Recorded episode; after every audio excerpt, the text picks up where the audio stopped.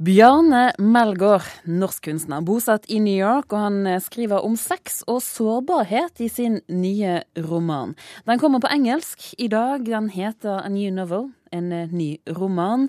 Og tidligere i dag så møtte han vår reporter Ugo Fermariello, som spurte han om hva som er nytt. Altså, Hva som er nytt, er jo ikke mer nytt i den romanen enn noe annet, tror jeg. Jeg tror ikke det har vært noe forsøk på å skrive noe som er nytt heller. Jeg tror den romantittelen henspeiler seg mer på eh, på en måte at eh, man ikke ville ha en tittel som skulle på en måte illustrere hva romanen handlet om. da. På en måte. Jeg tror jeg er mer interessert i det enn at det var eh, presentasjonen at her kommer jeg med en ny roman med nytt innhold som ingen har noe hørt om før. Kan du lese et lite utdrag? Det orker jeg, nei. Jeg, jeg gjør ikke høytlesning og sånn. Hvorfor ikke? For jeg er, ikke, ikke, jeg, jeg er så dårlig på det.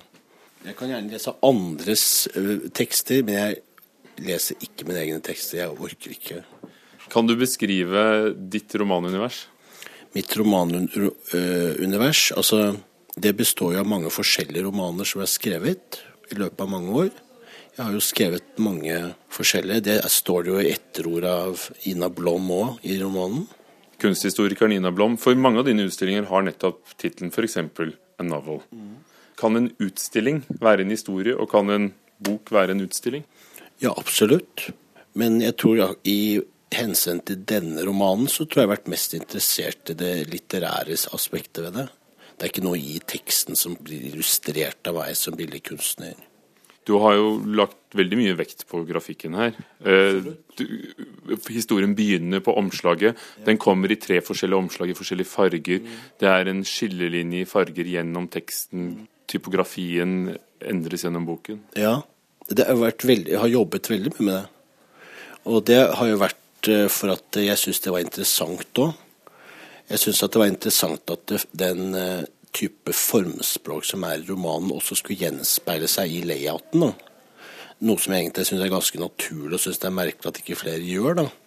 Som f.eks. At, eh, at man brukte denne her type linjen som skjærer seg gjennom Hvis du ser her, for eksempel, her så, så skjærer jo disse linjene seg gjennom teksten i forskjellige nyanser. Og så på en måte blir en, en sånn type illustrasjon også til den type splittelse sånn av personligheten til hovedpersonen har, da. Hva handler den om? Det er et enkelt spørsmål, Ja. men det er kanskje den- ikke så enkelt svar. Jeg tror ikke den har Jeg tror ikke den har én type handling. Jeg tror den på en måte beskriver forskjellige typer sinnstilstander, eller beskriver en person som på en måte øh, På en måte har et ønske om å føle et eller annet uansett hva konsekvensene er, da. Og som, på, og som på en måte sliter med en type opplevelser i fortiden som ikke å, han ikke klarer å slippe, rett og slett. Det er en god del sex i boken, nærmest pornografiske skildringer. Og mye av det er jo helt realistisk. Dette foregår på kjente steder som Byron Laboratory i, i Berlin eller barer i Paris. Eh, Hvor går grensen mellom virkelighet og diktning? Altså, det er en fiktiv roman. Altså, jeg har vært mest interessert i fiktive elementer ved romanen, da. Men jeg har jo spilt bevisst på at hovedpersonen også liksom på en måte er billedkunstner, bor i New York. Jeg har vært interessert også at man skal kunne spille på en, en sånn type virkelighetsopplevelse òg, da. Som skulle igjen henspeile seg til virkelighetsopplevelsen som personen i romanen har òg. Som for all type virkelighetssans for romanfiguren er jo borte. Den fungerer jo ikke, og jeg syns det er interessant at det også på en måte gjentas i romanen i forhold til den som skriver den. da. Det var sånn det var tenkt. Men hva forteller sex om folk? Veldig lite, tror jeg. Jeg tror, ikke, jeg tror altså Den type sex som beskrives i denne romanen, er jo ekstremt monoton og gledesløs. Og på en måte mer om en type maktmisbruk og avmakt enn tror jeg så veldig mye om så veldig sexy type tilværelse. Hvorfor skriver du på engelsk? For du, du gir den jo ut på et norsk forlag. Ja, altså Jeg syns jo at en moderne roman er på engelsk, da. Det er en del som ikke er det òg. Ja, det kan godt hende. Men øh, jeg har jo på en måte skrevet en roman sånn som jeg syns en roman burde være.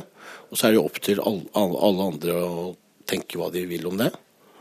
Og jeg syns at det var interessant, for det er på en måte det språket jeg skriver i når jeg skriver. Ved at jeg har bodd såpass mange år ute og jeg snakker engelsk daglig med alle. Så jeg syns det er interessant også på en måte det å utgi en roman på engelsk i Norge. Da. Og i og med at du bruker mye tekst i tillegg til tegning, maling, skulptur, mm. er det kanskje ikke så stort steg for deg å skrive en roman? For meg var det et veldig stort steg. På grunn av at du, du har jo en helt Altså på en måte hvis du bruker tekst og billedkunst, så blir jo på en måte den teksten mer som en visuell informasjon i bildet. Den blir jo ikke lest som på en måte noe type litterær tekst på samme måte som den har når den er i en bokform. da. Siden boken eh, ikke følger en kronologi og mm. kapitlene står tilsynelatende hulter til bulter, mm. Kan vi lese den som vi vil? Kan vi begynne på midten og ja. slutte på starten? Ja, folk kan lese noe altså, hvor de vil. Den er ment at du kan åpne hvor som helst og lese både framover, bakfra eller hvor som helst.